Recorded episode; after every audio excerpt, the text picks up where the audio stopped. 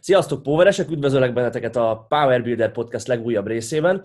Egy rendhagyó uh, epizóddal készültünk most nektek, ugyanis uh, most már a százhoz közeledve úgy döntöttünk, a századik részhez közeledve úgy döntöttünk, hogy itt az ideje az első kérdez felelek típusú uh, podcast felvételének és ki is raktunk körülbelül másfél-két hete valahogy így posztokat, sztorikat erről, hogy lehet tőlünk kérdezni, és kérdeztetek is szép számmal, alig győztük feldolgozni a kérdéseket, jött Instán, Facebookon, Messengeren, táviratban, faxon, mindenhogy rengeteg kérdés, és nagyjából azért sikerült így másfél-két hét alatt átrágni magunkat rajtuk, és kiválasztani a legjobbakat.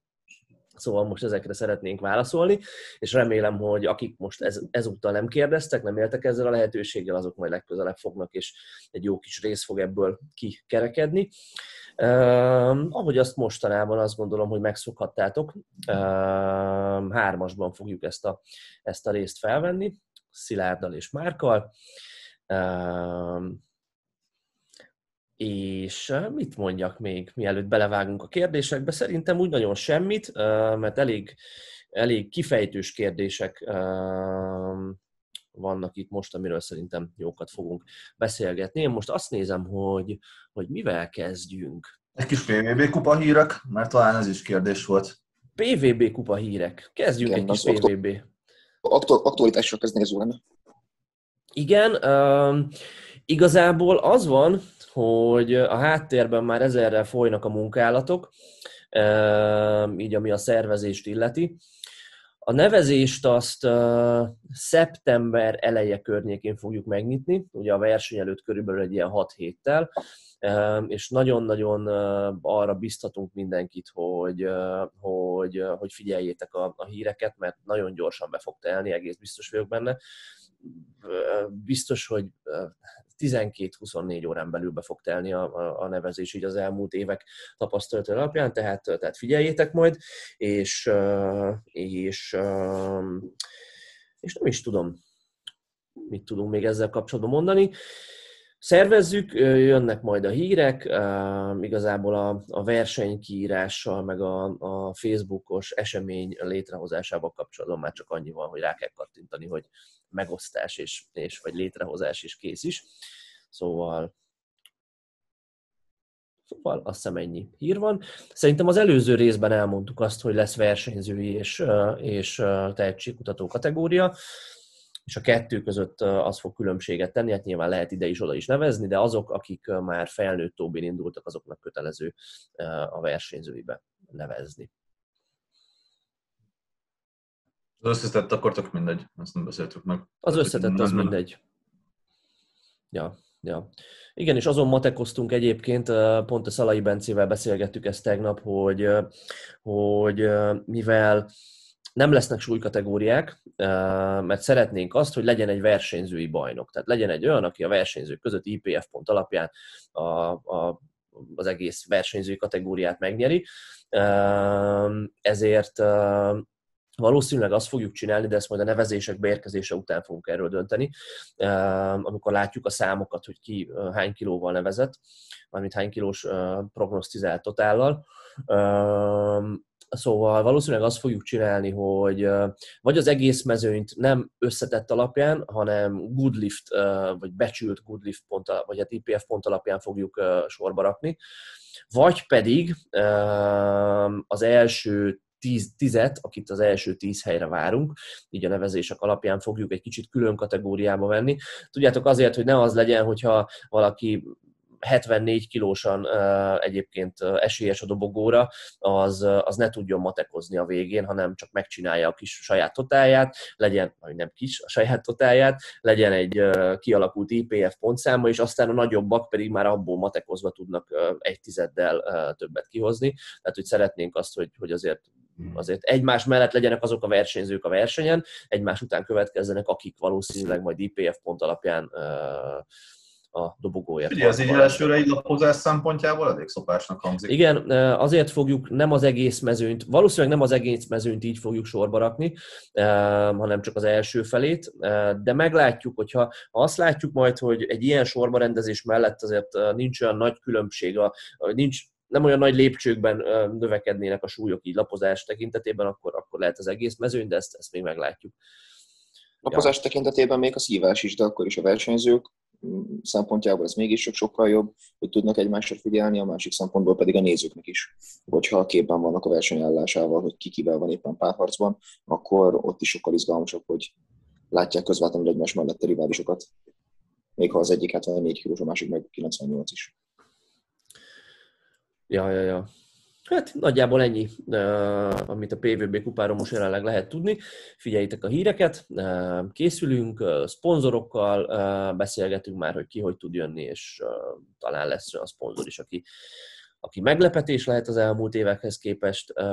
Ja, igen, PVB kupa ennyi, és ha már hírek rovatnál tartunk, most így nevek nélkül, mert nyilván ezt még nem lehet tudni, de nagyon örömteli, hogy ismét buktak csalók a, a, az IPFOB-n, szóval, Szilárd közben megfagyott, itt van.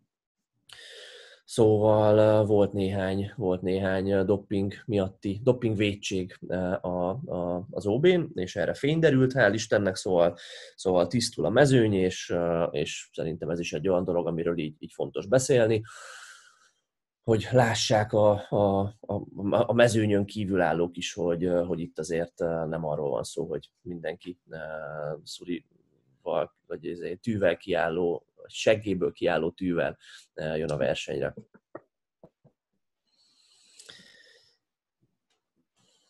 Igen. Na, ez már, ez már tavaly is elég kellemetlen volt.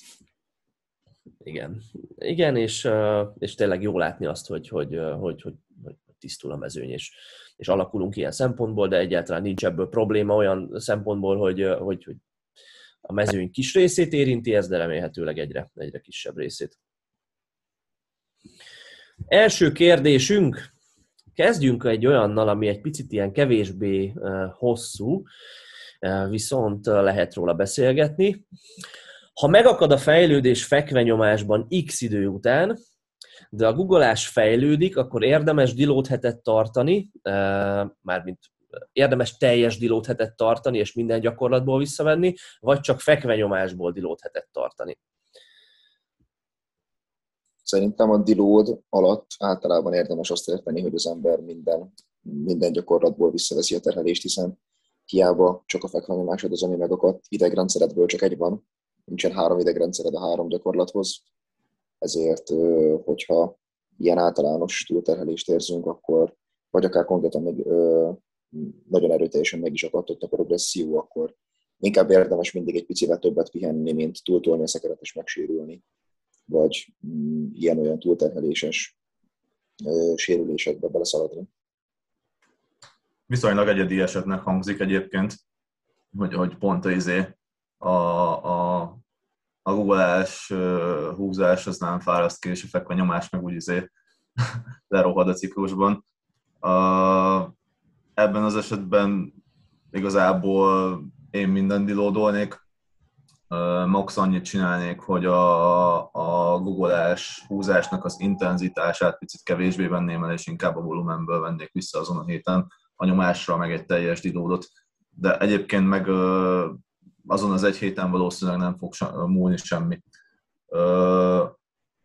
Én eleve picit nem tudom, hogy mm, ebben biztos van különbség talán köztünk, hogy mm, én a dilóthoz eleve picit úgy állok hozzá, hogy mm, teljesen ugye mm, ez ne, nem, nem egy produktív edzését, tehát ott nem várunk semmilyen fejlődést, meg semmilyen előrehaladást, tényleg csak a pihenésről szól, és igazából én az embereimet dilót héten leginkább csak az izomtónus fenntartása miatt tetszettem. Tehát én, az én szememben majdnem mindegy, hogy mit csinálunk olyankor, csak legyen könnyű, kevés meló, ami ilyen átmozgató jellegű, és elkerülhetjük a jövő heti izomlázat, meg a súlyoktól való teljes elszokást.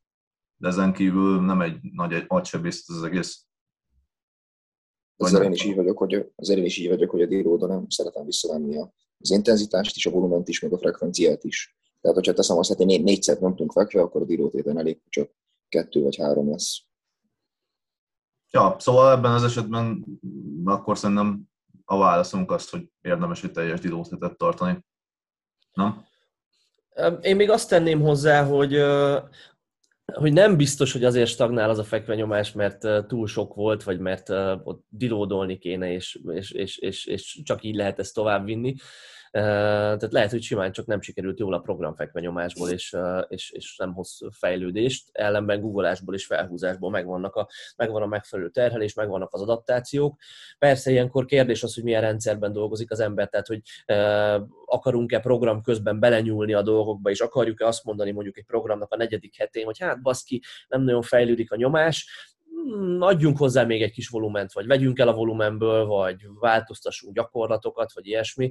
Tehát, hogyha valaki kicsit inkább ilyen, ilyen kevésbé, kevésbé kőbevésett módon dolgozik, ami az edzés programozást illeti, akkor azt gondolom, hogy ez, ez így egy jó megoldás lehet, de nagyon ritka azért, azért azt gondolom, hogy azért ne fejlődne a nyomás, mert hogy, hogy, hogy túltolja az ember és közben a, a húzás és a googolás pedig szépen fejlődik, tehát egy összidegrendszeri terhelésben nincsen probléma, nem az van, hogy agyon vagyunk verve és nem tudunk regenerálni, hanem csak a fekvenyomás volt túl sok. Elég ritka ez, előfordul, ha tényleg valaki baromi sokat nyom, és tényleg rengeteg ismétlés és bukás közeli széria, és állandó izomlászfáradtság a nyomóizmokban.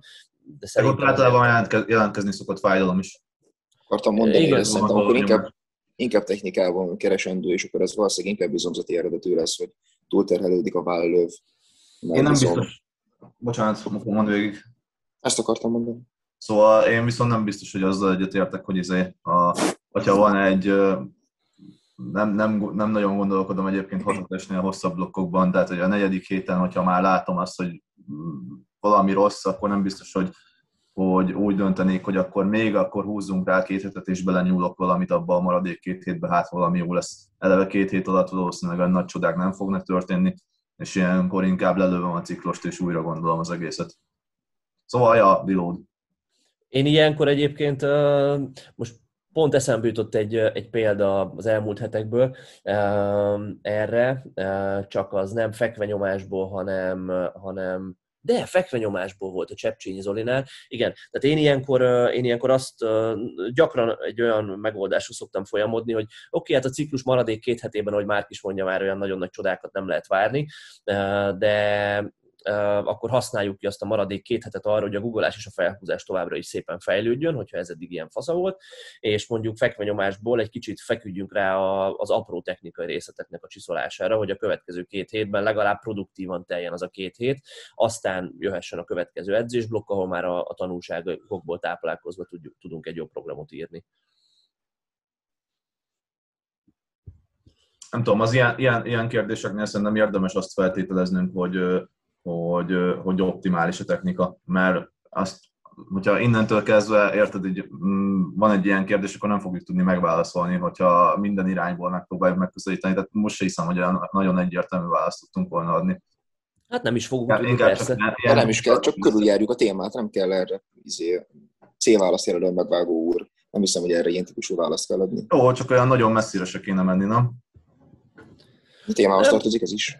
Igen, tehát én azt gondolom, hogy azért jó egy ilyen kérdezfelelek típusú adás, mert amíg Instán uh, sztoriban is lehet kérdezfeleleket csinálni, ott lehet két bekezdését írni rá, és nem lehet árnyaltan megfogalmazni a, a, a választ. Uh, ja, de szerintem körbejártuk nagyjából, remélem, hogy hasznos lesz a válasz majd a kérdezőnek. Melyikkel folytassuk? Uh, Folytassuk egy kicsit ilyen általánosabb jellegű kérdéssel megint. Ha az ember edzőt választ, ezt szerettem ezt a kérdést, akkor abban az időszakban vakon kell bíznia benne? kérdezte Dávid. Én szerintem az attól függ, hogy az ember mennyire van magas szinten. Tehát, hogyha az ember zsírkezdő, és tényleg azt se tudja, hogy a felhúzást ezt eszik ebből megisszák, akkor, akkor szerintem igen jobb, hogyha tényleg vakon bízik benne, és maximum, maximum megkérdez egy-két dolgot, de alapvetően tényleg rábízza magát, miután tudja, hogy teljesen süke a témában.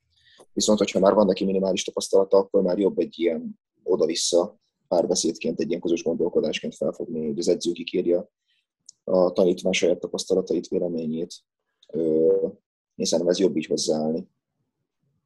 Hogyha kiválasztasz egy edzőt, akkor valószínűleg eléggé körüljártad, meg utána jártál, szóval hogy nem csak úgy rábögtelenetlen, hogy akkor te legyél az, hanem főleg, hogyha már haladó vagy, akkor gondolkoztál rajta egy pár hetet, mielőtt kiválasztottad.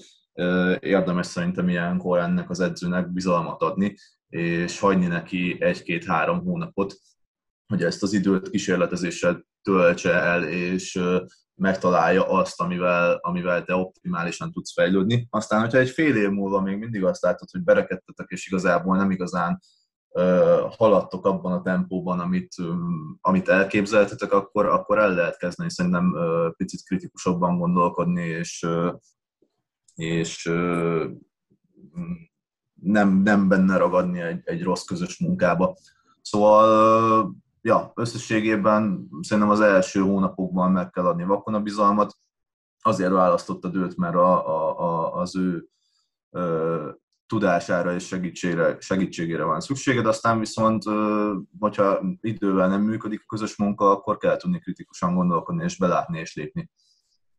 De, de még egy tapasztalt edző sem tudhat rólad mindent. Tehát, hogyha neked van olyan tapasztalatod, hogy mit tudom én, hogyha adott cikluson belül nyomsz döntött padon és csinálsz a lóckodást, akkor attól brutálisan túlterhelődik a vállalat, hogyha van ilyen tapasztalatod, akkor ezt, akkor ezt egészen hát igen, de ezt egy konzultáció ezt, során vagy a hónapok alatt szóba fog amikor kerül. De hónapok alatt, de, de, a, de a hónapok alatt, hogyha ezt szóba hozod, akkor ezt, akkor ezt tele merni kell szóba hozni és mondani, és nem teljesen ö, de érted, az más az, hogy katona, katonaként állni hozzá az, az más az, hogy, izé, hogy e, ezt tegyük már be, meg ezt vegyük már ki, mint az, hogy izé javaslatokat teszel, meg a saját észrevételeidet elmondod. Az a lényeg, hogy döntésben száz százalékig az edződre kell ilyenkor hagyatkozni. Ez igaz, hogy ez a végső verdiktet ő fogja megmondani, de hogyha neki ezt előre jelzed, hogy az nagyon rossz kombináció szokott lenni, és lerohad a felkarom, hogyha dolgozkodnom kell, akkor Na, tehát akkor na, a vakon megbízást, azt én úgy értettem, hogy akkor bármit is mond, azt akkor izével, az akkor neki megyek gondolkodás nélkül, hogy ez nem jó stratégia már középtávon se. Jó, de most, Valószín... Eh, hogyha magadra gondolsz, csinálnál jött, hogy a tanítványod a második héten azt mondja, hogy figyelj, baszottól fáj a, a, a könyökön meg a vállam a tolóckodástól, és izé nem tudok tőle nyomni, akkor, akkor egy tolóckodást azt ne szednél ki a programból azonnal? Szemrebben is nélkül kiszednék a programból nyilván. Tehát ezt, ezt nem gondolom, hogy ez, ez, ez bármilyen edző így erőltetni, hogy de a tolóckodás az egy fúra fontos gyakorlat. És de ez, ez volt a kérdés, hogy vakon kell, vakon kell bízni az edzőben, mert a, a saját testedben csak te vagy. Azt az edző nem érzi, az edző csak azt tudja, amit elmondasz, hogy megmutatsz neki. Szerintem mi most egy picit edzői szemmel közelítettük meg ezt a kérdést, olyan szempontból, hogy, hogy hogy is mondjam, hogyha tehát arról beszélünk most egy picit inkább szerintem, hogy az edzőnek mennyire érdemes figyelembe vennie a tanítvány jelzéseit, és nyilván amíg egy kezdőről van szó, addig az edző nem tud olyan nagyon minőségi információkat kapni a, a tanítványától, hogy mi az, ami szerintem működik az edzésben, és mi az, ami nem. És minél haladóbb sportolóról beszélünk, annál inkább egy kollaboratív folyamat ez az egész, és annál inkább az edző és a tanítvány közös közösen együtt működve dolgozik azért, hogy a, a, a tanítvány, a sportoló jobbá tudjon válni, és, és, és, és nyilván, hogyha az adott sportolónak, aki már tapasztalta, vannak gondolatai az edzéssel kapcsolatban, és azzal kapcsolatban vannak ötletei mondjuk egy új blokk megtervezésekor, hogy mi az, ami jó lehet, mi az, ami kevésbé, akkor az edző, én azt gondolom, és szerintem mindannyian ezt képviseljük, sőt tudom, hogy mindannyian ezt képviseljük, akkor az edzőnek ezt meg kell hallgatnia, és, és nem csak, nem tudom, diktátorként így azt mondani, hogy már pedig a következő fél évben így fogunk edzeni, és kus legyen. De hogyha egy olyan edzőt választ az ember, akivel ez így jól működik, és, és, és sikerül megbeszélni a dolgokat, és jó a kommunikáció, tehát hogy megvan az, hogy az edző lehetővé teszi a, a tanítvány számára, hogy, hogy, hogy elmondja a, a, a gondolatait, és figyelembe veszi azokat, és, és kérdez, és, és, és érdekli azt, hogy a tanítványa mi van, akkor onnantól kezdve szerintem a, a, a sportolónak, a tanítványnak a, a feladata az, hogy mindent mondjon, amit fontosnak gondol, aztán az edző meg, a megfelelő döntést meg fogja hozni, mert igazából szerintem mi döntéshozók vagyunk. Tehát, hogy mi, az a szerepünk az egész folyamatban, hogy van egy csomó kérdés, hogy ha ez így van, akkor most merre menjünk tovább, vagy hogyha ez így volt a múltban, akkor a jelenben vajon ez így lesz-e továbbra is, hogyha nem sikerült jól egy blokk, akkor mit változtassunk. Tehát egy csomó kérdés van, és a mi szerepünk az, hogy döntsünk, hogy merre menjünk, és mit ö, ö, ja, határozzunk el ezekkel kapcsolatban, milyen utat jelöljünk ki. És ilyen szempontból, és talán erre akartam kivezetni, hogyha viszont az edző döntött, akkor onnantól kezdve szerintem a legnagyobb gyökérség a sportoló részéről ezt a döntést megkérdőjelezni, és hogyha már ez így van, akkor, akkor, meg, akkor megette a fene az egészet, mert ha úgy mész le a terembe, hogy fú, hát basszus, most hatokat kell csinálni ebből a gyakorlatból, meg heti háromszor googolok, hát ez szerintem szar lesz, de jó, hát adjunk neki egy próbát, mert az edző ezt mondta, na ott az, az meg tudja ölni az egészet, már önmagában, önmagában csak ez. Szóval, fú, nem is tudom, én hányszor kaptam ilyen kérdést, hogy figyelj Zsolti, ránéznél a technikámra? Vagy valamit kérdeznék edzéstervezéssel kapcsolatban, így instán random követőktől, és, és persze szívesen válaszoltam, és kiderült egy pár üzenetváltás után, hogy egyébként van edzője az embernek, és ilyenkor olyan mérges leszek mindig, hogy Bazdnek, hát van egy edződ, akkor miért engem kérdezel? Miért akarod megkérdőjelezni? Miért akarod az, az edző döntését valaki más által validálni, hogy, hogy, hogy most vajon jó dolgot csináltok, vagy nem. És ez, ez szerintem béna, hogyha eddig eljutott a dolog, akkor onnantól kezdve már úgy valószínű inkább jó elengedni ezt az edző-tanítvány kapcsolatot, ami benne van az ember, ha már a kérdőjelek így felmerülnek. És ezt nem lehet megbeszélni, és nem az, hogy na figyelj, üljünk le egy videócsetre, vagy nem tudom, vagy, vagy személyesen, és, és beszéljük meg, hogy szerintem ez nem jó, szerinted ez jó, mi legyen akkor. Ja, a bizalomnál nincsen fontosabb az edzői az edzőtanítvány felállásban. És hogyha az egyik fél részéről ez a bizalom ez megtörik, akkor onnantól megette a fel az egészet. Ilyenkor nagyjából lehet még egy fél évig vergődni, vagy tényleg meghozni a döntést és lépni. Ilyenkor szerintetek kinek a feladata meghozni a döntést? Tanítványé persze, hogy. Hát, Inkább az a kérdés, hogy ki az, aki részéről a, bizalom megtört, és, és, és aki, aki az együttműködést azt, azt problémásnak látja, nem? Mert, mert van az úgy, hogy az edző azt gondolja, hogy minden fasza, és a tanítványban meg egy csomó kérdőjel van, meg van az úgy, hogy a tanítvány azt gondolja, hogy minden fasza, de az edző már úgy van vele, hogy na jó, hát én nem nagyon tudok ezzel az emberrel boldogulni, mert nem vagyunk egy hullámhosszon azt érzi másik fél is, hogyha nem voltak egy hullámosszon. Tehát azért az úgy, az úgy aránylag ritka, hogy az egyik fél szerint minden sunshine happy, a másik fél szerint meg izé fostenger a kapcsolat.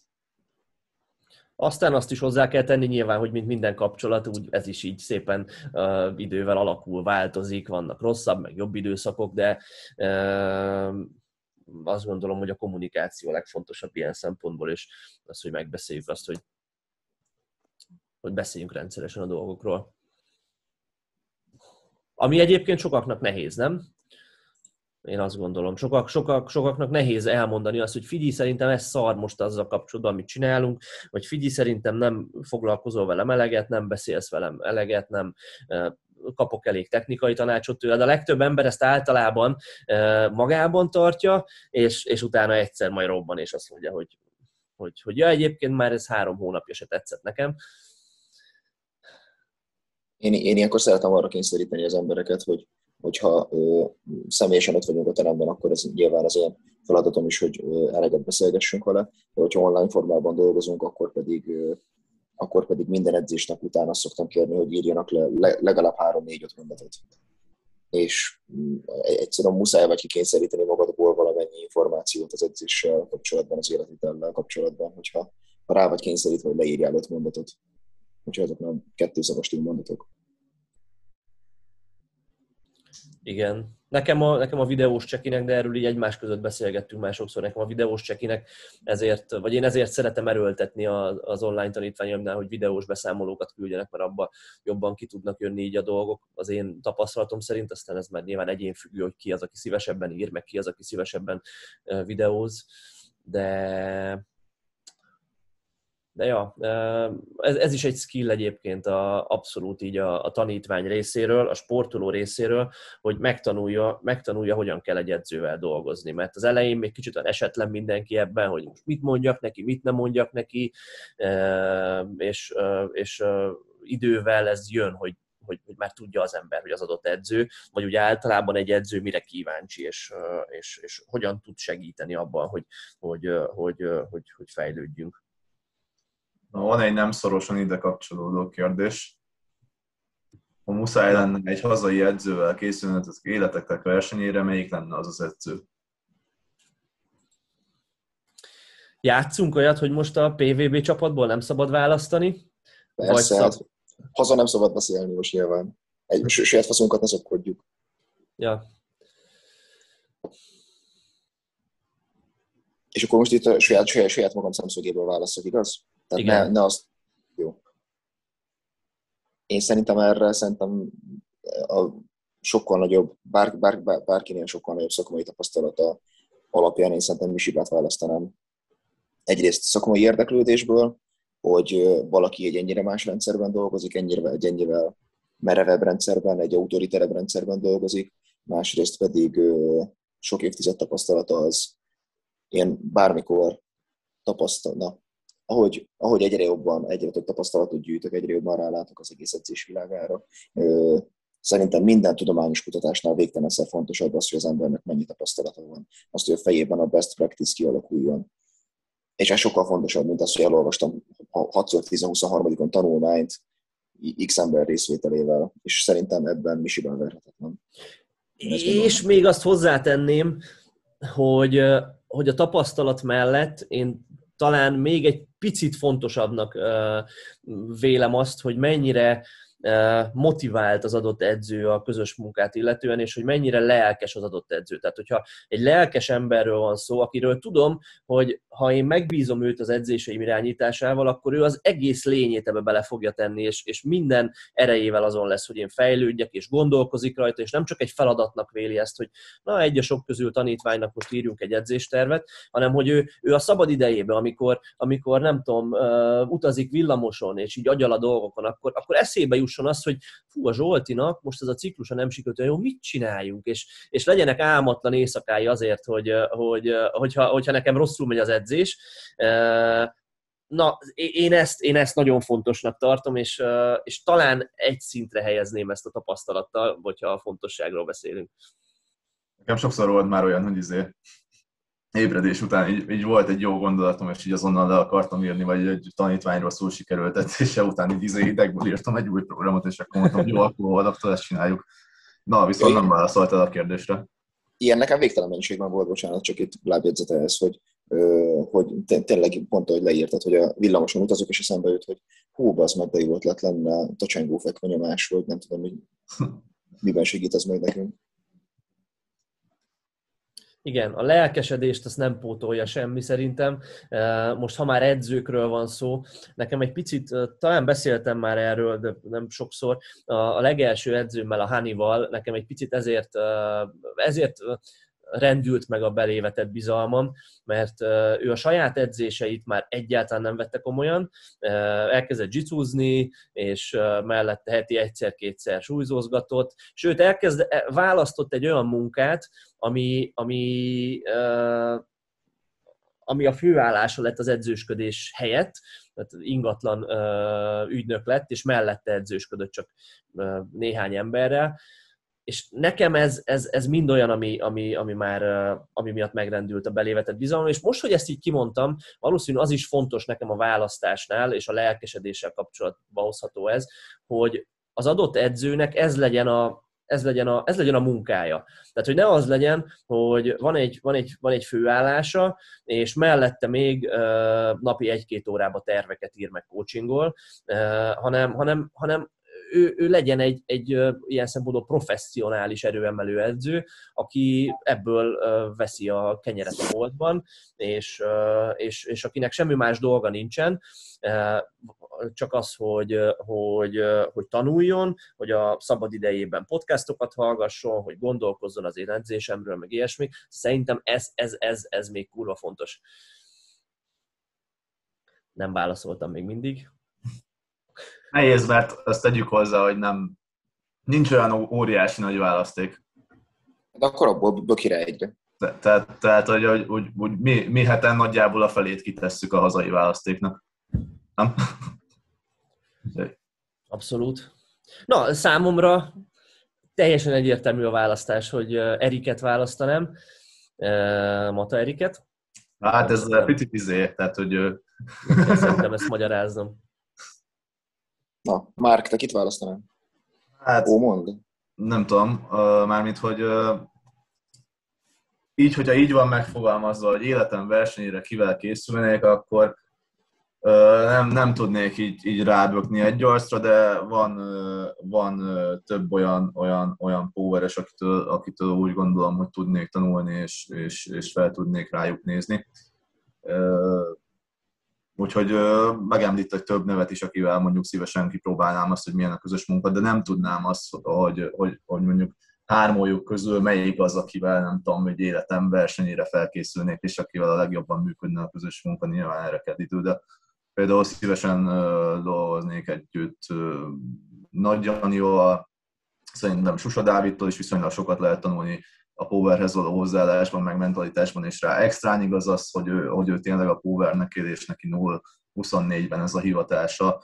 De amúgy mm, kíváncsi lennék arra is, hogy Erik mit tudna kezdeni velem, szóval ebből a három névből igazából igazából bármelyikkel szívesen dolgoznék, és, és valószínűleg emberi szimpátia alapján döntenék arra, hogy, hogy, hogy melyikre böknék rá. Ezzel én nem kerültem meg, nagyon nem. A választ. Csak kicsit. Félig. Na, edző kérdést akkor uh, kipipáltuk. Nézzük egy picit az összetettebb kérdéseket, uh, amit felolvasni is lehet, hogy picit hosszabb lesz, de uh, válaszolni rá biztos, hogy jó lesz. Uh, mennyire kulcskérdés a fejlődéshez, hogy hétről hétre azonos stimulust kapjon a testünk. Értem ezt arra, hogy egy mikrocikluson belül, vagy egy nagyobb makrociklus, vagy mezociklusra gondolva. Hol van az, hol van körülbelül az az általában vékony, ideális határvonal, a mutatók, edzéshatások folyamatos változtatása között, és a kicsit kevésbé változatos megközelítés között, annak reményében, hogy, hogy jobban látjuk, hogy mi működik, vagy mi nem. Tehát kicsit ezt így összefoglalva talán azt mondanám, hogy mennyire érdemes variálni, vagy mennyire érdemes inkább fixen tartani a programot. Ugye a variálással egy picit talán az lehet az előny, hogy, hogy új és új stimulust tudunk adni a testünknek, és nyilván, hogyha ugyanazt az edzéshetet ismételjük az egész életünk során, akkor az nem lesz optimális. Viszont, viszont a túlzott variálással kapcsolatban meg ugye az a probléma, hogy nem tudjuk, hogy mi az, ami működik, és mire tudunk aztán majd építkezni, építeni sikeres ciklusokat. Szóval nagyjából ez a kérdés, mit gondolunk róla hogyha már, kiemel, hogyha már itt hozzáfűzte ezt a szót a kérdező, vagy ezt a szókapcsolatot, hogy vékony határ, határmesdje, vagy valami ilyesmi szót használt, ö, nekem ahhoz az a hozzá, egyből az jutott eszembe válaszként, hogy valaki minél haladóbb, annál vékonyabb ez a határmesdje. Egy kezdőnél nem nagyon van jelentősége, hogy akár az első fél évben tök ugyanazt az edzéseket ismételgeti. Több mint valószínű, hogy ö, hétről hétre fog tudni két és fél kilókat emelgetni, és szépen és fél év alatt rápakolni 100 kilót a totáljára. Ezért ott mm, akár még egy-egy kikimaradó edzéssel is, egy-egy álmatlan éjszakával is, ö, viszont valaki minél magasabb szinten van önmagához képest, a saját genetikai potenciájához képest, annál, annál inkább ö, fontos, felértékelődnek ezek a, ezek a kis egyensúlyozások, hogy mennyire konstans a program, vagy mennyire változtatunk akár frekvenciában, akár volumenben, akár gyakorlatvariációkban, akár átlagintenzitásban, akár bármi ilyesmiben. Hmm, nem feltétlenül csak a mutatókon lehet változtatni.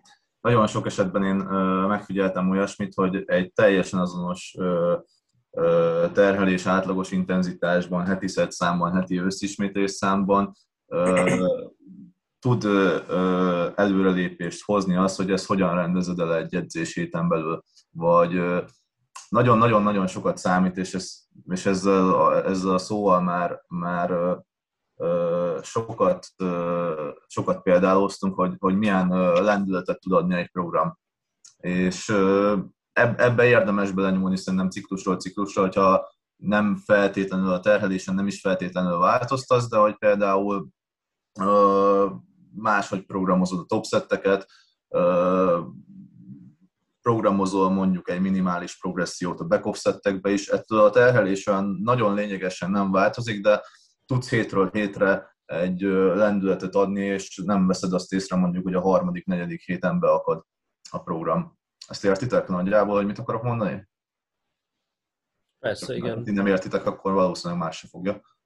Nem, nem, nem, én, én érteni vélem, csak azt, hogy beakad a program, azt mondtad a negyedik héten, itt szerintem, ö, hogyha az ember már haladóbb, és már tényleg már lassan fejlődik, már nem erősödik ö, ciklusra ciklusra ö, 5 kilót, akkor, vagy hetik hónapról hónapra, akkor szerintem nem érdemes ezt ennyire ö, így kezelni, hogy ö, a, úristen, akkor beakadt a program, hogyha nem vagyok sokkal erősebb, mint voltam az előző héten. Hát szerintem nem, nem ennyire rövid távon érdemes ezt nézni, hanem, hanem nagyobb, na, nagyobb időtávon összehasonlítani. Hogyha most ez az 5x5 ment 150-nel, de három hónappal ezelőtt hasonló nehézséggel 145 ment, 145-tel ment, akkor ez nem akadt be az a program, csak egyszerűen ilyen lassan fejlődsz. Igen, igen, de, de, de ezt viszont látni kell ahhoz, hogy de egy például mondjuk egy másik variációt lehet, hogy, hogy, hogy ez az 5 145, ez ugyanúgy 145, de mondjuk egy megállított googolásban, vagy ilyesmi, és ezekkel is lehet például variálni, hogy, hogy picit elveszed mondjuk a bent hagyod a versenygyakorlatot a programba, de az édét elveszed.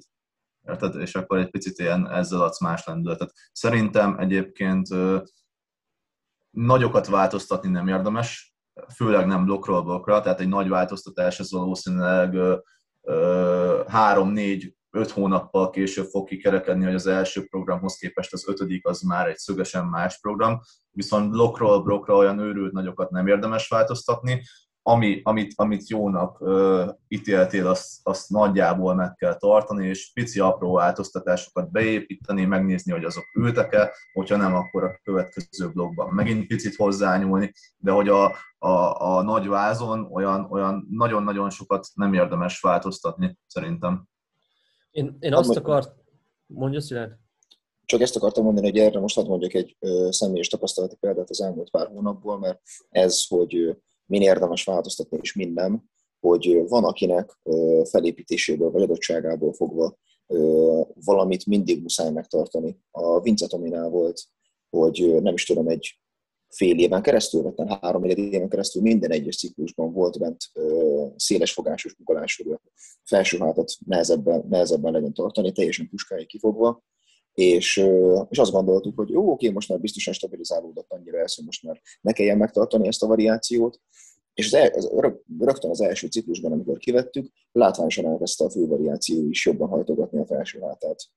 És hulla egyértelmű volt, hogy emiatt volt, és a következő ciklusban, amikor visszatettük, akkor, akkor ez a probléma így varázsütésre meg is szűnt.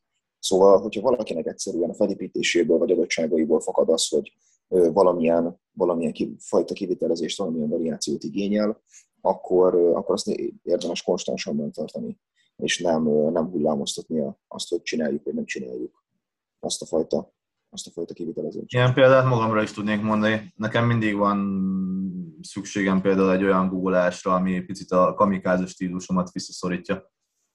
Ja, egy tempó, akkor az pontosan akkor az Egy tempó, vagy egy pin, vagy bár, bármi, ami, ami nekem ebben segít, mert fokozatosan, hogyha ezeket elhagyom, hiába figyelek rá, egy ciklusról ciklusra azt hiszem észre, hogy elkezd gyorsulni a guggolásom negatív szakasza.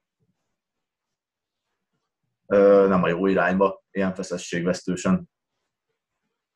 Aztán persze ez majd 5-10 éves távlatban nyilván alakul meg minden, de ilyen pár hónap, akár egy éves távlatban akár lehet konstans, és igaz nekem mondjuk a felhúzás ilyen, hogyha hetente csak egyszer szumózok, az, az nem szokott elég lenni eh, ahhoz, hogy érezzem, és magabiztos legyek benne technikailag össze tudjam rakni, és kell a kettő, eh, de lehet, hogyha már öt évvel több eh, szumó felhúzós edzés lesz mögöttem, akkor, akkor ez nem lesz igaz. Nekem az jutott még eszembe, hogy, eh, hogy egy olyan szempontból közelíteném meg ezt a kérdést, hogy akik most hallgatnak minket, azok közül, akik kezdőbbek még eh, ebben a sportban, ők, ők fontos, hogy, hogy ne akarják még ezt túl gondolni, hogy mi az, ami működik, meg mi az, ami nem, mert kezdő szinten egyáltalán nem fogjuk tudni azt, hogy, hogy most ez működik, vagy az nem. Egy kezdő az mindentől fog fejlődni akkor, hogyha ha, ha ha keményen edz, és jó a technika, és nem teljesen hülyeség a program.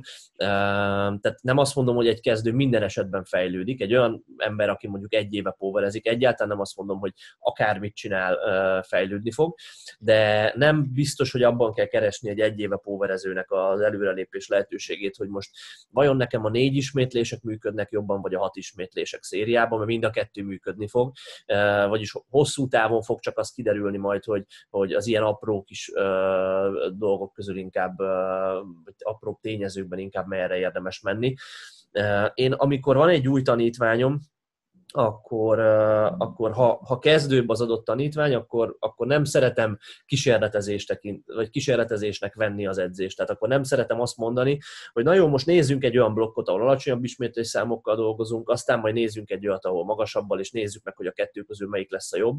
Mert általában kezdőként még ezzel kapcsolatban nem lehet jó következtetés levonni, sőt, akár rossz irányba is vihet, mert hogyha az egyik blokk jobban sikerül, mint a másik, onnantól kezdve én elkönyveltem a fejembe, hogy hú, hát a XY-nak jobban működnek az alacsony ismétlésszámok, holott ez csak random most az a blokk jobban sikerült a kettő közül, és akár rossz irányba is vihet. Viszont, hogyha egy haladóbb emberről van szó, akiről, akivel kapcsolatban nem nagyon tudok semmit, és nem tud minőségi információval szolgáltatni azzal kapcsolatban, hogy neki mi az, ami eddig működött, és mi az, ami kevésbé, akkor én szeretek ilyen kísérletezősen hozzáállni, és azt mondani, hogy na jó, az első mondjuk kb. 12-15 hete a közös munkának, az egy picit ilyen blokkperiodizált jellegű lesz. Az elejét kezdjük 5-6-8 ismétlésekkel és kicsit nagyobb volumennel, aztán a következő blokkban a volument akár megfelezzük, és alacsonyabb ismétlés számmal dolgozunk, és megnézzük azt, hogy a 15 hét alatt összesen melyik periódusban fejlődött a legjobban, és, és aztán azt már egy pici infóként fel lehet használni azt illetően, hogy hogy, hogy, hogy érdemes programozni az adott embernek, és, és, és aztán abba az irányba ilyen, ilyen lájtosan elkezdeni haladni. Én, hogyha például haladót kapok, nyilván a, a kezdő részben egyetértünk, hogy ott nem kell ezt annyira nagyon túl gondolni, kell adni egy észszerű terhelést, és valószínűleg arra reagálni fog. Viszont, hogyha van egy haladó, aki edz 5-6 éve, végig csinál már pár programot, túl van pár versenyen, akkor, és tud valószínűleg, akkor ő tud is mutatni neked korábbi programokat, akkor én nem szoktam attól olyan nagyon szögesen eltérni, hanem elkezdek vezetni egy hasonlót, és ahogy az előbbi példámmal mondtam, szépen blokkról blokkra építem fel azt, ami majd, amit majd hosszú távon működőképesnek találok. Szóval, hogy valószínűleg lesznek észszerű dolgok, meg lesznek állandó igazságok, amiken olyan nagyon-nagyon nagy módosítás nem lesz szükséges egy programon belül, de, de, de piciket mindig lehet csiszolni, és mindig lehet jobbá tenni, és mindig lehet belenyúlni. Nagy változtatásokat úgy összegezve szerintem nem érdemes csinálni, tehát hogyha, hogyha nem tudom, googolsz egy héten 15 szériát, 50 ismétléssel, akkor a következő programban nem érdemes ezt megváltoztatni kétszer annyi szériára és másfélszer annyi ismétlésre. Nekem még, valami... egyetlen egy, nekem még egyetlen egy hozzáfúzni valóm lenne, hogy ö, a kérdező telecség összefoglalva egy mondatban a választ, hogy ö, nagy bátorság kell ahhoz is, hogy az ember, ö, egy, hogy az ember hónapról hónapra valamit változtasson, de ahhoz talán még nagyobb bátorság kell, hogy az ember valamit megtartson, ami, ami beválni látszik. És így szépen lassan így fog kialakulni majd a tökéletesen személyre szabott program, hogy szépen lassan tapasztalgatja magát, hogy az, edző, az edzőjével tapasztalgatják, a sportoló reakcióit, és megtartják azt, ami hasznos, és eldobják azt, ami nem. ezért is visszakanyarodva picit az edző kérdésre, ezért is fontos az, hogyha valakinek bizalmat szavazunk, akkor azt, akkor, akkor azt egy, legalább egy fél évig uh, legyen meg az a bizalom, és, és, uh, és adjunk esélyt az adott edzőnek, mert mert na ez egy folyamat, hogy rájöjjünk arra, hogy, hogy mi az, ami működik, és mi az, ami nem. És még egy gondolat a részemről, hogy viszonylag keveset beszéltünk a hétről hétre történő változtatásról, szerintem azért, mert mi ezt evidensnek tartjuk a mi rendszerünkben, hogy, hogy nem változtatunk hatalmasakat hétről hétre, tehát ha az első héten van négyszer nyolc, a következő hétre nem lesz abból, nem tudom, nyolcszor három Szóval én azt gondolom, hogy a magam részéről mindenképp azt mondanám, hogy hétről hétre nem érdemes nagyokat változtatni, inkább érdemes hagyni kifutni a programot, figyelni azt, hogy hogyan fejlődünk, és, és így tudunk következtetéseket levonni arra vonatkozó, hogy mi az, ami jó, és mi az, ami nem. Mehetünk tovább? Mehetünk. Mehetünk. Jó, legyen most egy technikai kérdés még ugyanattól a kérdezőtől. Ha kezdő Google tanítványaitoknál láttok olyan hibákat, gyengeségeket, hogy van egy buttwink, elemelkedik a sarok, fáj, kattok, kellemetlen a térd, akkor azt milyen lépésekkel szoktátok orvosolni. Ez most viszonylag különböző problémák, mindegy, igen. De kezdő nekem... nagyon valószínűséggel elő is fognak fordulni. Nekem a, tért pro... igen, nekem a tért problémára a térdgumi azonnal megoldást jelentett, pont. Na, ö, általában ö, egy kezdő rúgolónál nyilván ilyenkor először a technikát fogod nézni. Valószínűleg, valószínűleg a batwinkot, például, hogyha most ez volt a példa, általában két dolog okozhatja, mobilitás hiány vagy törzsfeszesség hiány. Például, hogyha most konkrétan egy batwinkről van szó, akkor érdemes felmérni a mobilitást. Ha a mobilitást rendben találjuk, akkor, akkor viszont nagy valószínűséggel a törzsfeszességgel vagy a légzéssel lesz probléma.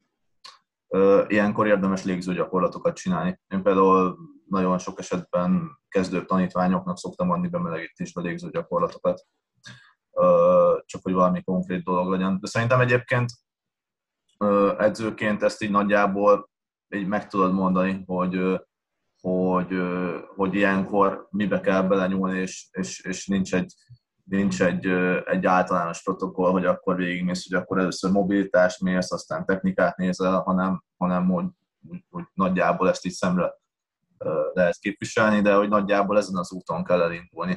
A térd ö, problémára válasz, hogyha valószínűleg, hogyha a térdgumi megoldás jelentett, akkor ö, valószínűleg a, a bemelegítés minősége nem volt jó.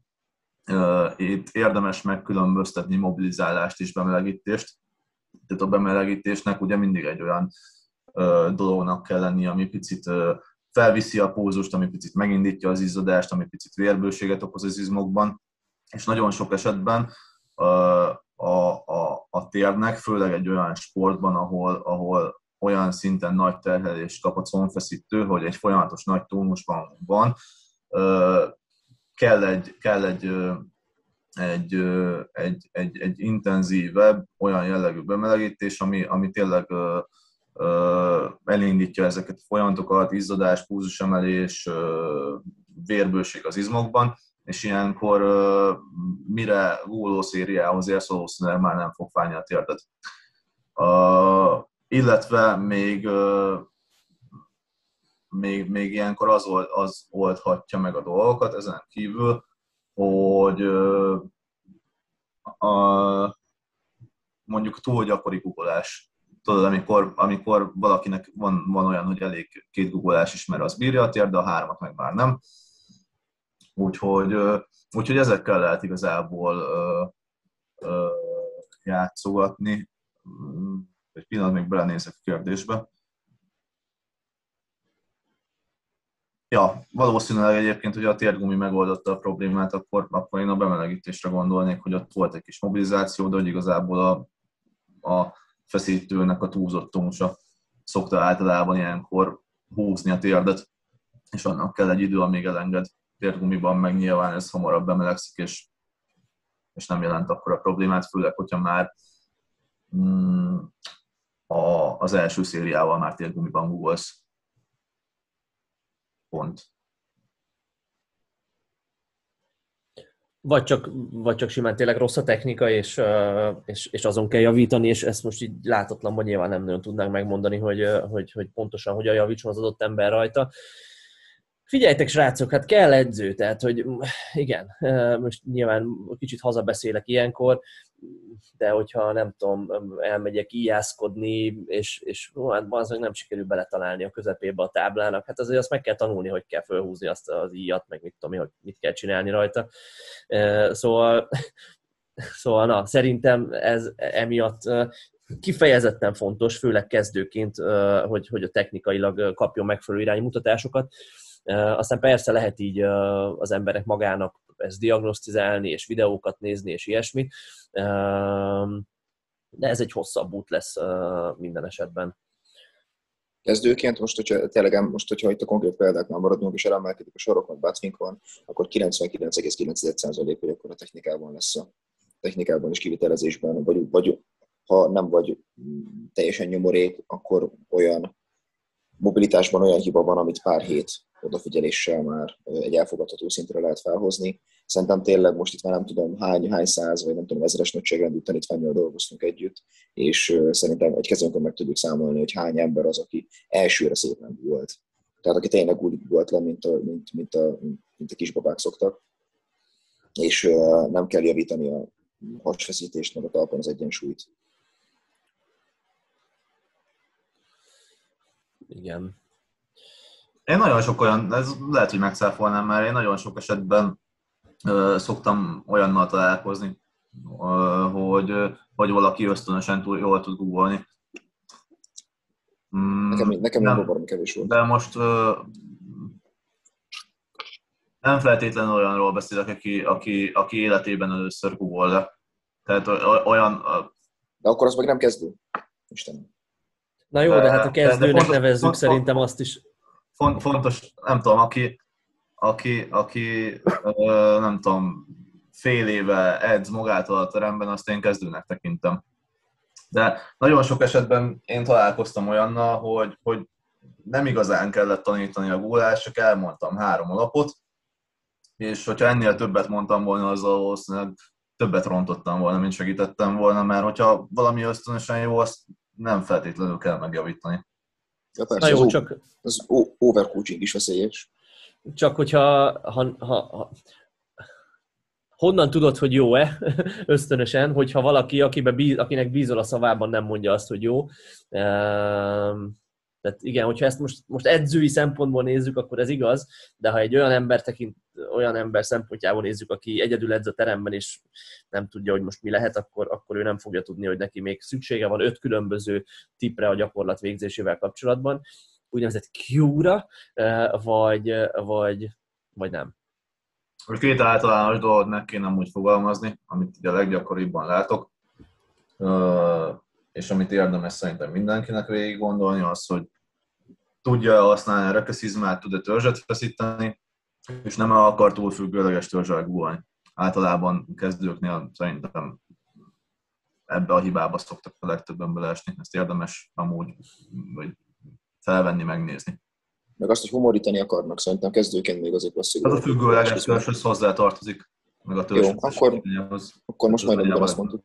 Ez az izé, függőleges testtel pucsítva googolás általában. Pucsítva googolás, igen, ilyen fitness kicsalódjára. Gyakorlattal kapcsolatos kérdés a következő is. Um, military pressnél úgy érzem, mintha két valami ütközne a felkaromnál, uh, kényelmetlen a gyakorlat, uh, néha abba kell hagynom közbe, mert aztán pár ismétlés, uh, ahogy megcsinálok, uh, ott kellemetlen lesz. Mit csináljak? Ne nyom militarit! Ja, hát ilyenkor, hogyha... nincs, nincs azzal baj, hogy ilyenkor, hogyha ez neked nem egy fontos gyakorlat, örülj neki, hogy nem a fekvenyomásnál ilyen problémád. Nagyon-nagyon sokféleképpen lehet fejfülé nyomni, és ebből meg lehet találni valószínűleg azt az alternatívát, ami, ami nem okoz problémát. Ilyen általában egyébként ezek az ütközések és dolgok ilyen régi sérülésből visszamaradott dolgok legtöbb esetben.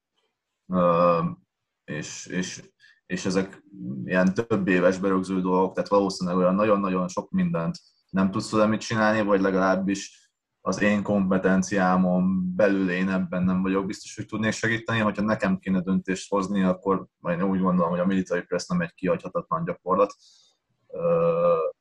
Én, én nem erőltetném, hanem, hanem választanék helyette egy landmine press vagy egy bármilyen másik fejfölé nyomást, ha mindenféleképpen akar az ember fejfölé nyomni ilyen helyzetben, hogyha tényleg nagyon akar az ember fejfélé nyomni, én akkor tényleg pont, amit itt mondtál, hogy ez az edző, az általában az edzői kompetencián túl terjed, hogy, és tényleg azt érzed, hogy csontos összeütközés van, akkor, akkor mindenképpen valami gyógytornász segítséget venném igénybe.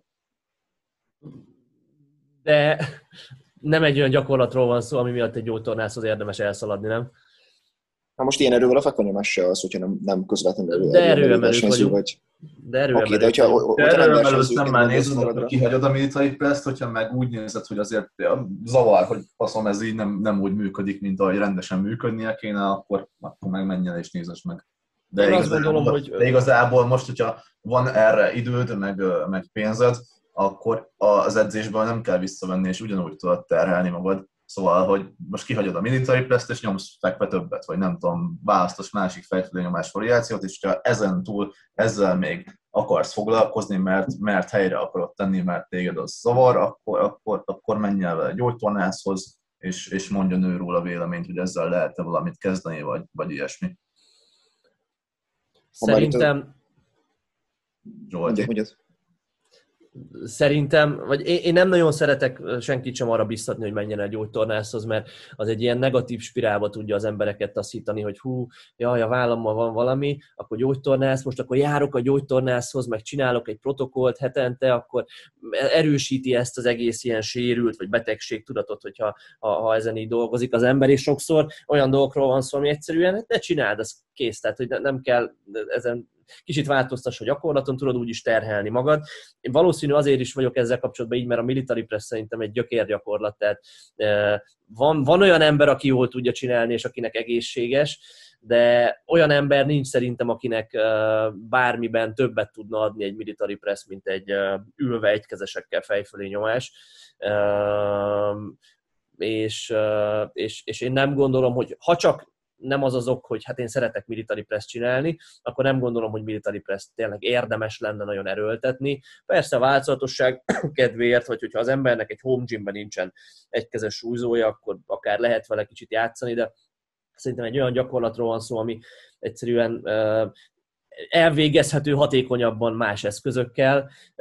Kicsit olyan az én szemem, mint a húzóckodás, hogy persze, hát hogyha visszamegyünk száz évet az időbe, és csak egy húzóckodó rudunk volt, meg egy, meg egy rudunk, amit fejfölé tudtunk nyomni, meg ilyesmi, akkor persze jó azzal úgy edzeni, de hogyha már vannak gépek, amik a rendelkezésünkre állnak, vagy vannak egykezes súlyzók, dönthető pad, ilyesmi, akkor, akkor azokat én azt gondolom, hogy jó használni, mert, mert na, van hatékonyabb eszköz erre a melóra, mint a military press, hogy, hogy a vállunkat erősítsük. És amúgy fejfölé nyomni meg kell nyilván, hogy az erőső delta erősödjön, meg hogy ne csak egy mozgástartományba szűküljön be a vállunk ugye a fekvenyomás során, de a military press az Hát, hagyd ki, ezt üzenem a kérdezőnek, nem, nem éri meg, nem éri meg. Persze, egyébként azt érdemes látni, hogyha, hogy, hogy, hogy nem, nem szükséges tehát, hogy ha, ha testépítő célra edzel, ha erőemelő célra, ha bármilyen célra edzel, akkor az nem egy, nem egy kihagyhatatlan gyakorlat, és nekem is ez a válaszom, hogyha, hogyha, hogyha csak ezzel az egy gyakorlattal van problémád, és egyébként fekve nyomni, meg két másik variációban tudsz izé fejfölön nyomni, akkor hagyd ki. Nekem még egy hozzáfűzni való van, hogy szerintem a millipressnél szerintem már kellően kis súlynál kiütközik az, hogyha az ember nem tud megfelelően széles hátat feszíteni. Tehát szerintem ott sokkal hamarabb okoz irritációt, ilyen kellemetlen szúróérzést a vállban, hogyha, hogyha, ez, hogyha ez nincs meg, és az emberek maguktól erre kurva ritkán éreznek rá, hogy hogyan kell széles hátat megfelelő feszességbe hozni. Igen, legtöbb ember esetében a lapocka kontroll az nem jó, görbe a felső hát, hát nem, nem feltétlenül olyan teste van a legtöbb embernek, ami alkalmas uh, nagy súlya fej fölé nyomni. Nem mindenkinek van ilyen sportolói teste. Így van. Na, nézzünk még egy szakmai kérdést, aztán egy bulvárt, és aztán rekesszük be a mai adást, hogy ne nyúljunk túl hosszúra. Mondjuk legyen az, hogy hogy szoktátok a különböző variációk, kiegészítő gyakorlatok esetén a százalékokat meghatározni? Az összesített mérőszámokba hogyan számoljátok bele ezeket? Gondol itt a kérdező például egy előgugolásra, amivel megint egy olyan gyakorlatról beszélünk, aminek semmi haszna nincs erőemelő szempontból, de ezt most egy félig, nem, 10%-ban mondom csak viccből. Gondolok egy előgugolásra, vagy egy, nem is tudom, mit írt még. Igen, szerintem nagyjából ezzel így jól össze tudom foglalni a, foglalni a kérdést, hogy hogyan, mi alapján határozunk meg százalékokat a variációkban, amik nyilván ugye nehezebbek, mint az adott főgyakorlat, tehát hogyha van egy 200 kilós guggolásunk, akkor hogyan határozzuk meg, hogy az adott sportoló mekkora súlyjal csinálja a 8 ismétlés előgugolásokat, vagy a 6 ismétlés megállított guggolásokat. Szerintem nem feltétlenül erre akar kiukadni teljesen a kérdés, hanem arra, hogy ezt hogyan súlyozod a programban, és hogyan méred, hogy ez milyen terhelést ad. Vagy legalábbis szerintem inkább erre akar kiukadni a kérdező. Nem? Igen.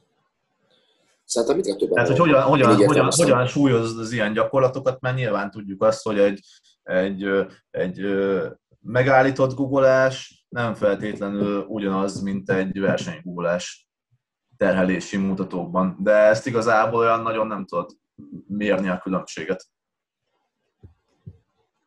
Igen, szerintem, hogyha onnan kezdjük, amit én kérdeztem, és utána megyünk ez alapján afelé, hogy az össz nagy képbe hogyan számoljuk ezeket bele, akkor, akkor az egy jó megközelítés lehet.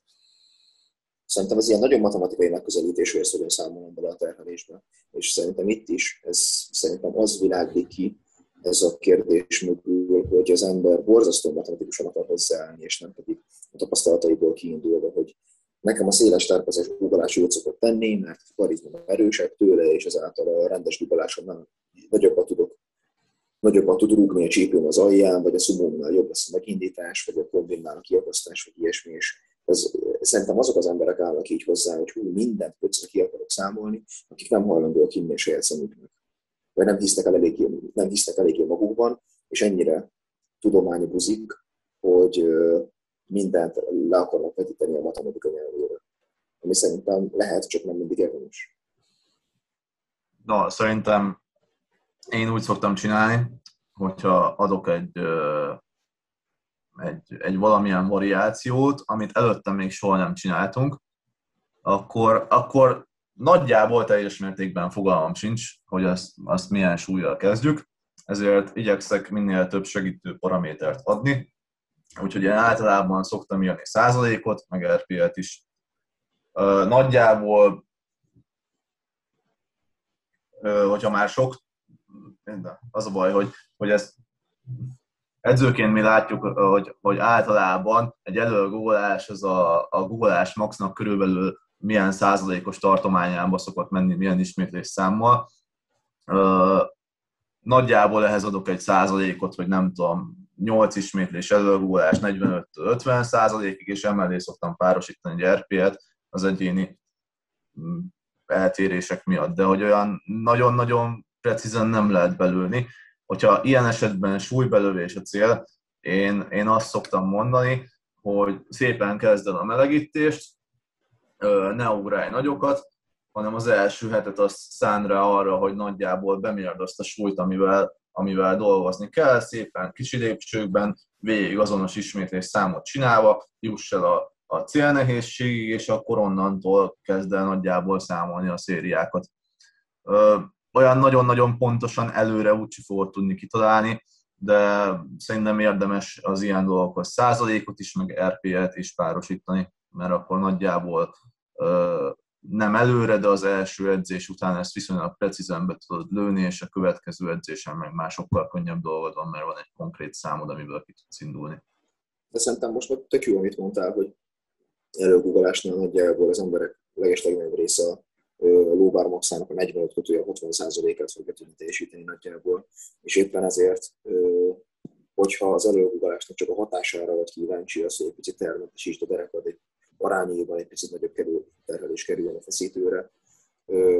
Tehát, hogyha ezt ilyen gyakorlatként fogod fel, akkor szerintem nem is feltétlenül annyira kurva fontos, hogy azt most a kétszázalos googoló, azt most 95-tel csinálja, vagy 102-vel.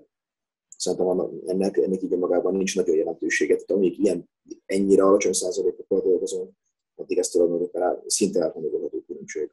Amíg értelmes RPE tartományon belül maradunk, és nem, nem, nem lesz túl nehéz. Ez igaz, de hogyha mondjuk Uh, hogyha, hogyha valamit bele akarsz számolni a terhelésbe, akkor pedig válasz olyan variációkat, amik nagyon-nagyon közel állnak a versenygyakorlathoz, és maximum ilyen, ilyen 5% diffi van a használsúlyban.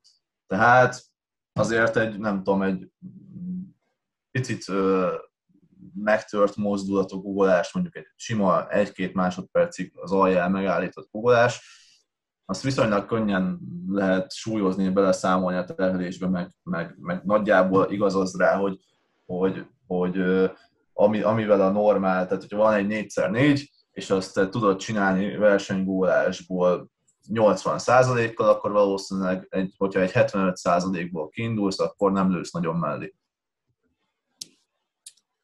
De ez az kell, hogy közeli variáció legyen.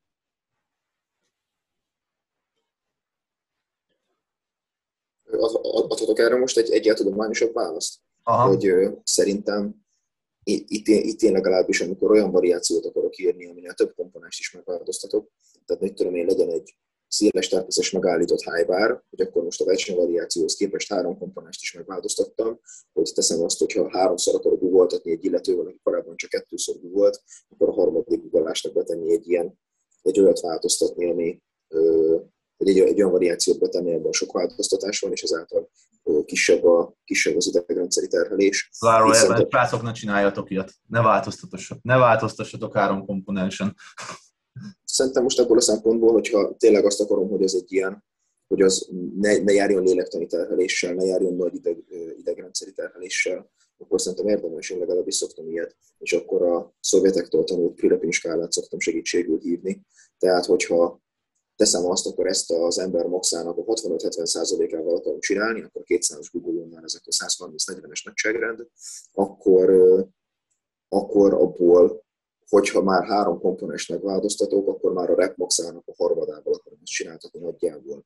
65-70% tehát kb. 12 ismétléses maxnak, akkor az nagyjából 4 ismétléses szívlányokat eredményezzen, ami nem lesz nagy idegrendszeri terhelés a széles természetes megállított hájbárkodással, 70%-on akkor négy ismétléseket csinálni nagyságrendileg, és ö, annál inkább a rep van, a versenyvariációból, amennyit adott százalékkal rep maxot tudnál csinálni, annak nagyjából a harmadát, hogyha már három komponest megváltoztatsz. Ha csak egy komponest változtatsz akkor meg mondjuk a felét csinál, csinál a szérienként. Remélem ez egy egyel gyakorlati kézzelfogható tanácsot tudjuk adni a kérdezőnek. Nekem tetszik. Igen, viszont ezzel terhelés számolni egy, egy, egy programban hosszú távon meg nagyjából lehetetlen. Ja, lehetetlen, azért is, azért is mondtam, hogy szóval... keresztbe szarom, hogy 45 vagy 60 százalékot csinálja az előbb. De a széles tervezésnél is most a 130 vagy 142, hát édes mindegy. Egy 200 googolónak így is úgy is nagyon kevés. Ilyen, ilyenkor tényleg maximum az a, a szettek számát, meg az összismétlés számot tudod valahogy nézegetni, de az is egy fals képet fog dobni. Ha viszont viszonylag specifikusan edzel, nem csinálsz nagyon-nagyon-nagyon eltérő gyakorlatokat a versenygyakorlattól, ami, ami, ami a nagyon nagy százalékos visszavételt eredményezne, akkor én azt nagyjából ugyanúgy szoktam súlyozni, és nem teszek benne releváns különbséget, mert, mert, mert valószínűleg nincs is olyan, olyan nagy, ami, ami olyan rengeteget számítana. Ennél nem is érdemes, de szerintem itt érdemesebb elválasztani azt, hogy mik azok a gyakorlatok, mik azok a szlotok, amikor teljesítménycentri teljesítmény centrikussággal, ez elég magyar talán, de amikor így állunk hozzá, vagy pedig, vagy pedig egy, ténylegesen egy ilyen kiegészítő variációként állunk hozzá. Mint a széles természetes megállított highbar, ott akkor az egy kiegészítő variáció, még egy megállított lóbár, az, az pedig akkor ott, ott, ott fontos, hogy ezt most 170-nel vagy 165-tel csinálod. Mert ez nem adott különbség, az meg kiló. De még egyszer mondom, ezt ne csináljátok otthon. Ezt Mint ahogy az előgugolást se, igen. Jó, mindkettő, csak tudni kell, hogy mire. Így van. Szóval, ja, szerintem elmondtunk mindent. RP alapon edzetek ne százalék alapján, és ne ragaszkodjatok a matekhoz nagyon, mert nincs olyan mérőszám, amivel el lehet mond, le lehet írni jól azt, hogy a heti terhelés az mennyi, hogy százalék, vagy nem tudom, tonnában, vagy százalékot is. Hogy?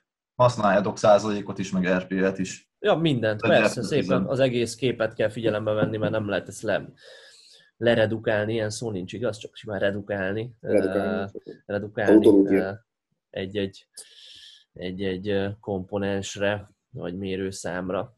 Na jó van, ennyit a szakmázásról.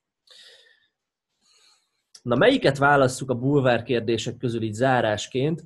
Van egy olyan, hogy melyek azok a könyvek, amik a legnagyobb hatása voltak rátok, akár sport, akár magán, meg van egy olyan, hogy hogyan lehet valaki erőemelő edző, esetleges iskolák, képzések, melyiket válasszuk. Csak egyre válaszolunk. A végén, legyen a, a végén legyen a reklámhelye, amikor, amikor válaszolunk mindkettő, és a végén legyen a reklám, amikor bereklámozott a pb Igazából most, hogyha ezen a két kérdésen végig tudunk menni negyed óra alatt, úgyhogy akár megválaszolhatjuk mindkettőt, nem? Ó, nekem. Negyed óra is. is. De sok Tehát ez most nem olyan nagyon kifejtős lesz. És olyan, és olyan kérdés is volt, hogy hogyha erről a sportról szeretne az ember tanulni, akkor magyar nyelven milyen könyvet érdemes olvasni. Kezdeném azzal, hogy semmiet igazából, tehát hogy, hogy, hogy nagyon nehéz bármilyen magyar nyelvű könyvet találni, ami, ami, amiből az erőemelésről lehet tanulni bármit, de egyébként angol nyelvű könyvet is nagyon nehéz találni, ami tényleg nem a nagyon-nagyon alap dolgokat tartalmazza, hanem kicsit használható tanácsokat. Szóval én nem tudnék a saját uh, szakmai múltamból kiemelni egy-egy olyan könyvet, amire azt mondom, hogy úristen, az a, az, az, az alapvetés, és a, a nem tudom, az, az, aki azt nem olvasta, az, az, az nem is tudom, hogy hol él. Mm igen, valószínűleg kicsi még ez a sport ahhoz, hogy, hogy ilyen könyvek legyenek. Tényleg magyar nyelven elérhető szakirodalom szinte nincs, és bármennyire is paradoxonnak, meg komolyan vehetetlennek tűnik ez, hogy ennyire nem létezik a akadémikus tudományosság az erőemelésnek. Instagramról, meg YouTube-ról tanuljatok, kövessetek vagy sok embert, és paradisztikusnak hangzik, de, de ott, ott az up to date, ott annyira gyorsan fejlődik a sport, és akkor ezzel csak mentem a, mentem a menthetőt, hogy ennyire számolmosak vagyunk, hogy annyira gyorsan fejlődik a sport, annyira hogy, hogyha egy könyv megíródna, hogyha mi itt hárman összedugjuk a fejünket, hogy írunk egy könyvet, és azt amíg rendszerezzük, beletelik két-három évbe, és amit leírunk arról, mire leírjuk, mert mi is tudjuk, hogy ez mire megjelenik két-három év múlva, az öttikre már aktualitását vesztette. Elképzelem a közös könyvünket, hogy áthúzzuk egymás sorait és felüli. ja, én az, összes, összes, az összeset kicenzúráznám, amit már hír. Ha, uh lehet, hogy ezekkel, ezzel most nagyon-nagyon-nagyon sok mindenkit meg fogok lepni. Én nem szeretek olvasni. Be, ne basszál. Nem, valahogy nekem a, nem, tehát, hogy nekem az olvasás, mint tevékenység, az nem egy hatékony információ szerzési és szórakoztató dolog, mert én világéletemben már iskolás koromban úgy működtem, hogy se tanulni, se szórakoztatni magamat nem tudtam így. Tehát iskolában is úgy működtem, hogy, hogy hogyha figyeltem órán, és, és, és, és érdekelt a dolog, akkor nem kellett nekem már külön utána olvasni. Ha meg nem érdekelt, akkor utána olvasva sem tudtam semmit se elsajátítani, és nekem ilyen szempontból az olvasással, mint tevékenységgel van olyan szinten problémám, hogy leülök, nagyon sokszor mentem könyvesboltba, vettem könyvet, elkezdtem, hogy, hogy a, na, akkor ezt most leülök és végigolvasom, de, de egyszerűen elolvasok 10-15-20 oldalt, és elkezd leragadni a szemem.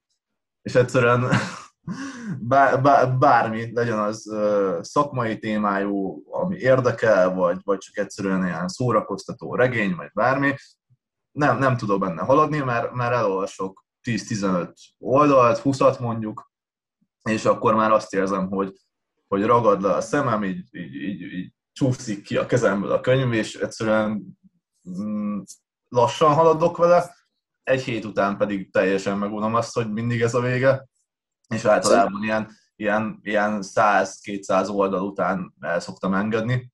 Szerintem könyvet Nagyjából egy kezemben meg tudom számolni, szerintem azt, hogy életemben hány könyvet olvastam végig, és lehet, hogy ez, ez nem egy jó dolog, de én ilyen információt szerezni cikkekből, podcastekből, ilyesmiből jól tudok, ami vizuális, ami hallgatható, de amit, amit le kell ülni, és akkor mereven nézni két órán keresztül, nekem az, az, az valahogy nem. Szerintem könyvet olvasni olyan, mint valakivel beszélgetni. Kivéve, hogy az ember nem válaszol persze, de mint hogyha valaki mesélne neked. És ezt tök jól tudja, akár évszázadokon átívelve egy könyv nyújtani. Azon gondolkoztam most, hogy már erről beszélt, hogy, hogy, hogy sokan vannak ezzel hasonlóan, eh, hogy, hogy vajon ez egy olyan dolog, ami inkább egy eh, a, szocializációnak az eredménye, hogy gyerekkorban az ember nem szerette meg az olvasást, és aztán már nehéz megszeretni, vagy, vagy nem tanult meg olvasni az ember, és, és aztán már ezt a skillt, mert az is valahogy egy skill, nem? Hogy, hogy ezt, ezt, ezt utána nehéz már fejleszteni, vagy egyszerűen tényleg típus függő, hogy van, akinek az agya nem, nem úgy működik, hogy így szeret információt, vagy ha nem is információt, hanem szórakoztató jellegű, nem tudom, impulzusokat szerezni. Nem tudom, hogy ez hogy lehet. Ezek valószínűleg egyszerre igazok. Aha. Nem tudom, hogyha van van egy 5-6 oldalas cikk, ami érdekes, az lehet akármilyen száraz, akármilyen szakmai, azt úgy tudod, az úgy, azon, hogy látom, hogy van eleje, és van vége, és azon, hogy végig tudok menni, és fent tudom tartani a koncentrációmat. De, de ja, sokkal szívesebben meghallgatok egy előadást, vagy, vagy elolvasok, egy, elolvasok akár naponta több rövid cikket, mint hogy, hogy egy, egy, belevágjak egy 400 oldalas könyvbe, amit tudom, hogy valószínűleg a közepén el meg fogok rekedni. Mert, mert, mert azt veszem észre, hogy, hogy, hogy nem, nem nyerem ki belőle azt az információt, vagy nem adja meg azt a szórakozást, ami, ami, ami miatt én elkezdtem azt. Tök, szerintem hárman tök különbözőek vagyunk ebből a szempontból. Nem akarok Szilárd helyet beszélni, de ha jól tévedek, akkor ő mindig is sokat olvasott. Igaz? Gyerekként nem szerettem olvasni, ezt komolyan. Tényleg?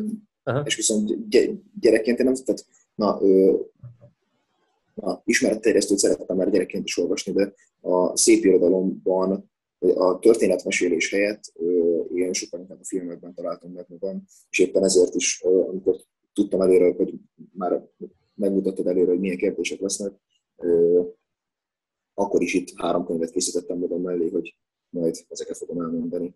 Akkor viszont ezt meg is ragadom ezt a pillanatot, hogyha az ember történelemben otthon van már annyira, hogy a történelmi felsőfok az így nagyjából kis van, akkor ö, Harari ö, izraeli történésznek a Sapiens című könyvét tudom nagyon erőteljesen ajánlani, mert a teljesen új megvilágításba helyez történelmi folyamatokat, és ö, tényleg az ember világszemléletét, hogy a világ milyen irányba halad, ezt nagyon- nagyon-nagyon ö, képes megváltoztatni, legalábbis nekem.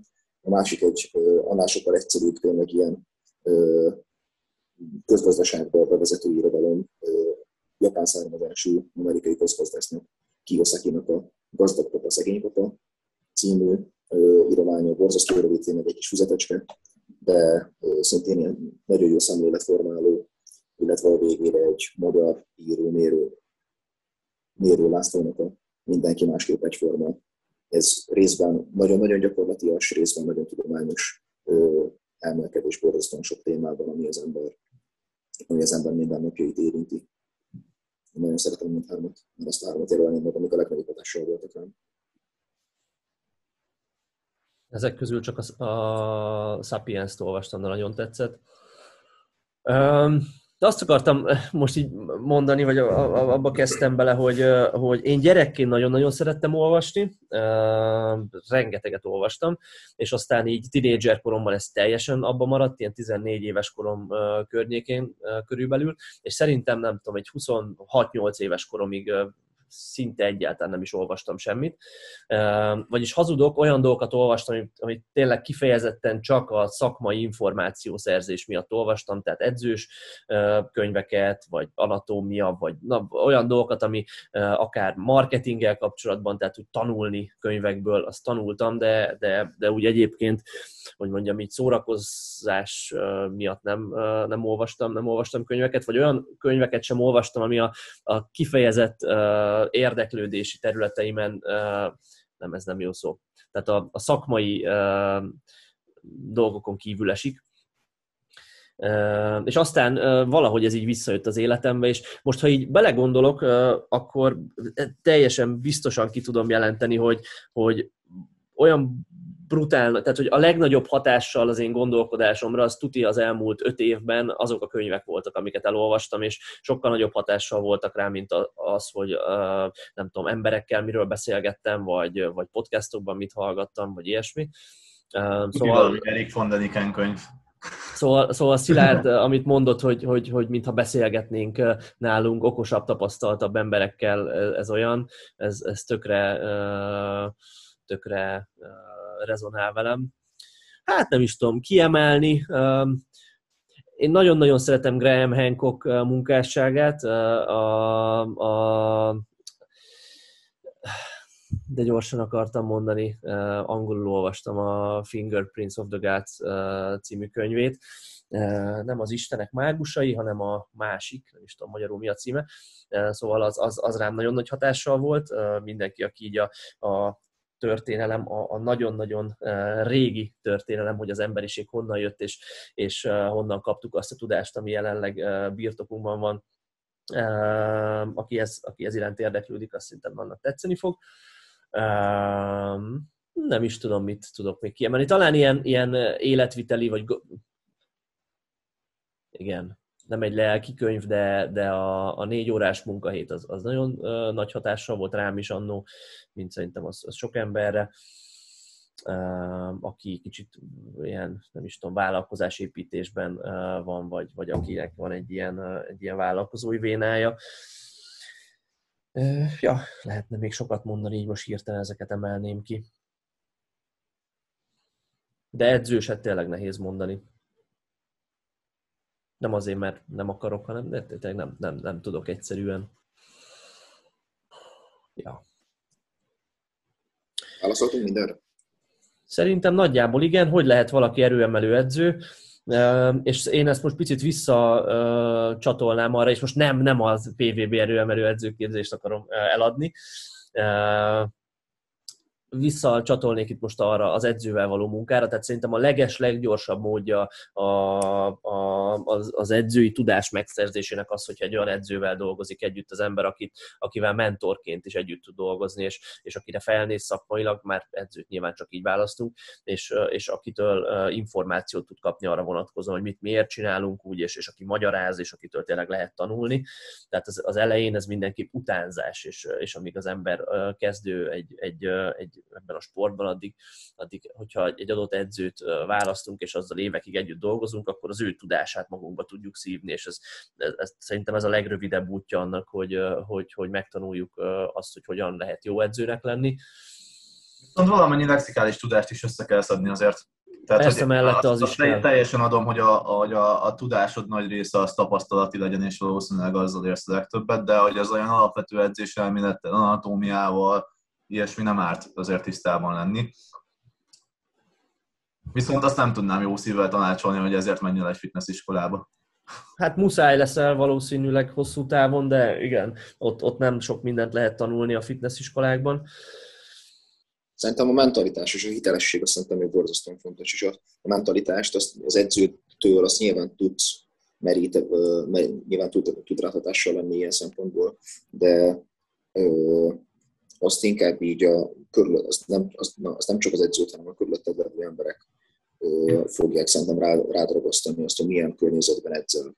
Mert nyilván az is, most ez borzasztó triviálisnak tűnik, de nem mindenki fejében az, hogy az, hogy az ember, hogy az ember tényleg edzel rendesen, és tényleg vegye komolyan, és tényleg ö, akarjon erősödni, és bassza a csőrét az, hogyha ö, nem, erő, nem fejlődött a, a gugoláson most az elmúlt fél évben, öt kilónál csak kevesebbet, ezek szerintem, és tényleg saját magadon való tapasztalatok gyűjtése, szerintem ezek elképesztően fontosak ahhoz, hogy az ember hiteles edzőrödön. És azáltal, hogy ő maga beleteszi a munkát, azáltal tud hitelt érdemlően a tanítvány a szemébe nézni és mondani valami, valami okosságot, vagy egyszerűen csak azt, hogy menjél oda, aztán kapd fel azt a súlyt, mert különben nem tudom, mi lesz. Mert most az ah. életet múlik rajta, ez most ennyire fontos.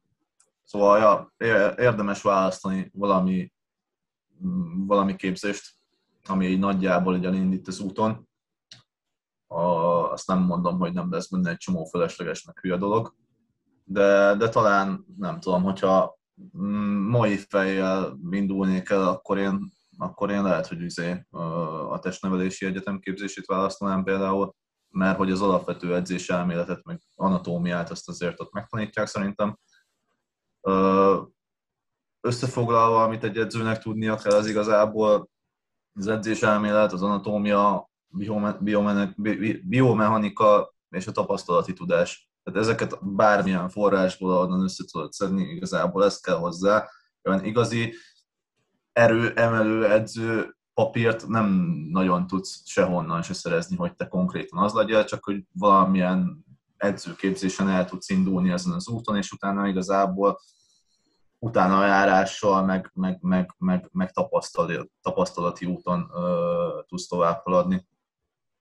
A legfontosabb egyébként, szerintem egyébként, ja, tényleg az, hogy, hogy, hogy tapasztalj minél többet, mert, mert, mert az, az fog igazából előre vinni. Ez pedig jó, hogyha együtt tudsz dolgozni egy olyan edzővel, aki, aki, aki ilyen jellegűen tényleg a mentorot tud lenni, és a saját tapasztalati tudásából el tud indítani egy, egy olyan úton, ami, ami által a saját gondolkodásod az edzésről elkezd kiforni, meg a saját szemléleted. Sok, sok, sok forrásból tájékozódni. Szerintem ez is fontos, hogy senki nem megmondja a tutit, hanem ugyanarról az igazságról beszélnek többféle nézőpontból. És, Igen, és mellette, és PVB edzőképzése mellette eljönni, ami most lesz, uh, de gyorsan akartam, hogy szeptember elején kezdünk, tehát már lassacskán. Uh, már amúgy nem. Hogy? Betelt már amúgy, nem? Nem, képzeld el, hogy a, a, a múltkori podcastban, amit két hete fel, ott, ott egy, tényleg egyetlen egy hely volt, és az az egyetlen egy hely még nem kamuzok, az tényleg még mindig megvan. Uh, szóval, uh, szóval most itt tartunk, hogy tényleg egy. Shut up and take my money. ja, egy, egy hely hiány beteltünk.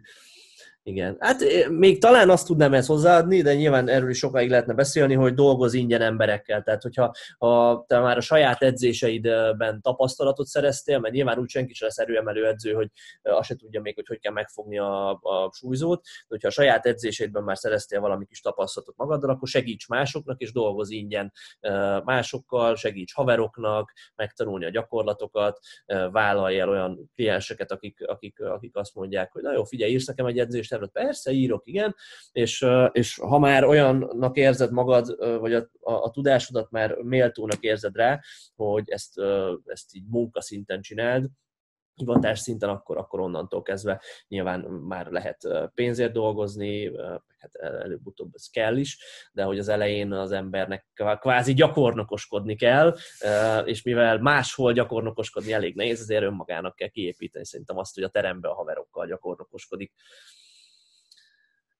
Ja. Mindenre válaszoltunk. Mindenre is válaszoltunk. Na, jó van. Elmondtunk mindent. Köszönjük szépen, hogy itt voltatok. Tartsatok velünk legközelebb is, és ha legközelebb lesz ilyen kérdezfelelek alkalom, akkor várjuk megint a hasonlóan okos kérdéseket, mert ahogy látjátok, szívesen pontszolgatjuk ezeket a témákat. Ja, edzetek keményen, legyetek sokat, gyertek a PVB kupára, és ne kokszoljatok. Sziasztok! Sziasztok!